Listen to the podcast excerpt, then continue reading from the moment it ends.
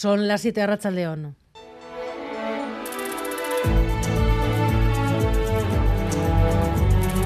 Gambara con Arancha García.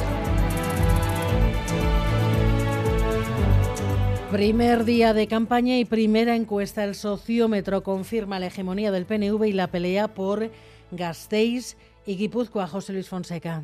Los datos de este nuevo sociómetro electoral sitúan al PNV como primera fuerza en los tres territorios y las capitales de la comunidad autónoma vasca, con EH Bildu al alza como segunda fuerza en estos seis escenarios. A los gelchales nadie les hace sombra, ni en Vizcaya ni en Bilbao, con Juan María Burto rozando la mayoría absoluta. La pugna se estrecha en las juntas de Guipúzcoa, con EH Bildu pisándole los talones al PNV y sobre todo en la capital alavesa, con tres fuerzas políticas en un puño para alzarse con el triunfo y separadas por menos de cuatro puntos. Los gelchales serían primera fuerza en Vitoria-Gasteiz, empatados prácticamente con EH Bildu y con los socialistas a poco más de dos puntos y medio.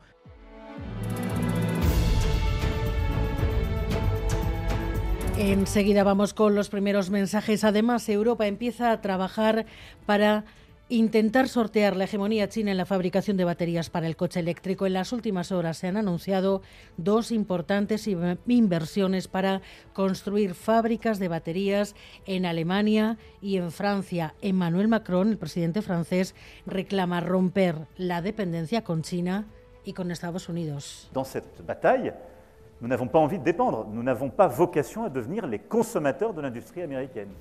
Cuatro ciclistas han resultado heridas esta mañana, entre tanto, cuando un coche de la Archancha ha entrado en el recorrido de la Itzulia. Al parecer, la patrulla estaba asistiendo a una emergencia cuando se ha encontrado con parte de la, de la carrera y ha atropellado a una de las corredoras. Borja Vergara es director de comunicación de la Itzulia el comisario de nuestra carrera, al ver al vehículo de la Archaña, daba el alto y que no pasaba, que había una carrera de, ciclismo y que no podía pasar por allí. Y por lo que sabemos, pues alguien desde, desde Ardach, que debe ser como un, eh, un centro de coordinación que debe tener la Archaña, pues les ha vuelto a decir que, que, tenían que seguir, que se trataba de una prueba de vida y que tenían que seguir. Pero desde la organización de la carrera, por supuesto que no se le ha dicho. La eh, corredora que ha resultado atropellada está herida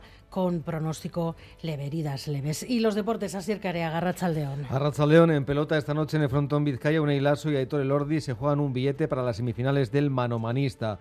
Además, eh, como comentabais, ha comenzado la Itzulia femenina con la victoria de Demi Bollerin en Marquina. La neerlandesa se ha hecho con el liderato y ha aventajado en 51 segundos a su compatriota y principal rival Van Bleuten. En el Giro de Italia, primera victoria como profesional del italiano, del Eolo Cometa Davide Vais. Y en fútbol y en la Real, Igor Zubeldia se ha recuperado a tiempo para el partido de mañana ante el Girona en Anoeta, mientras que en el Athletic, Geray y Muniain son las novedades en la lista de Valverde para el duelo de Villarreal, vencedor, causa baja por lesión.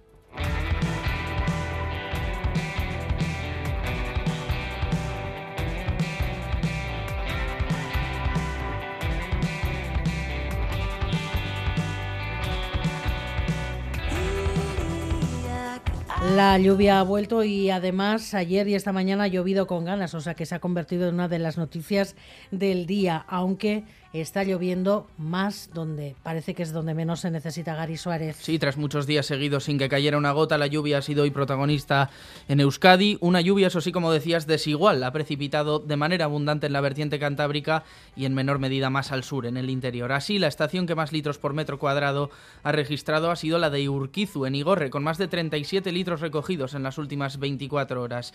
Destacan en Vizcaya también las estaciones de Galdaca o Amorebieta, con 31 litros recogidos en cada una de ellas. En Guipúzcoa, la estación de Aizarnazábal es la que más lluvia ha registrado, con 34 litros por metro cuadrado, y en Araba también ha llovido, pero como decíamos, considerablemente menos. La estación que más precipitaciones ha registrado ha sido la de Goyain, en Legutio, con 18 litros y medio. Según Euskalmet, el mes de mayo será bastante lluvioso y seguirá lloviendo al menos durante los próximos siete días. En Navarra también ha llovido, aunque no demasiado, pero sobre todo de Pamplona hacia arriba y en zonas de montaña, es decir, que sigue sin llover en la ribera, que es donde más falta hace Aritz Aguirre. Ha llovido durante horas en la vertiente cantábrica de Navarra, sobre todo en Goizueta y en Lesaca, como nos decían en la gasolinera. Ha llovido bastante bien, sí, estamos, sí, sí. Ha llovido bien, con fundamento. Ahora lo que nos alegra es la lluvia. También ha llovido bastante en Bastán, en el Roncal y en la Sacana. En Iruña lo justo como para calarnos y ha parado en cuanto hemos podido coger el paraguas. Pero el problema es de Estella Lizarra para abajo. No ha llovido ni una gota donde debe, en la ribera. David Navarro, agricultor de Tudela, lleva todo el día pendiente y nada. En lo que va de día no ha llovido nada. En Tudela no ha caído una gota. O sea que, que prácticamente va a ser difícil que pasemos del litro, de algo casi testimonial. Si cae lo de Lesaca, cae más que todo lo que ha caído desde el 1 de enero. Reír por no llorar, aunque para el cultivo de secano ya es tarde, las previsiones apuntan a que la lluvia podría llegar a la ribera la semana que viene. La esperan, nunca mejor dicho, como agua de mayo.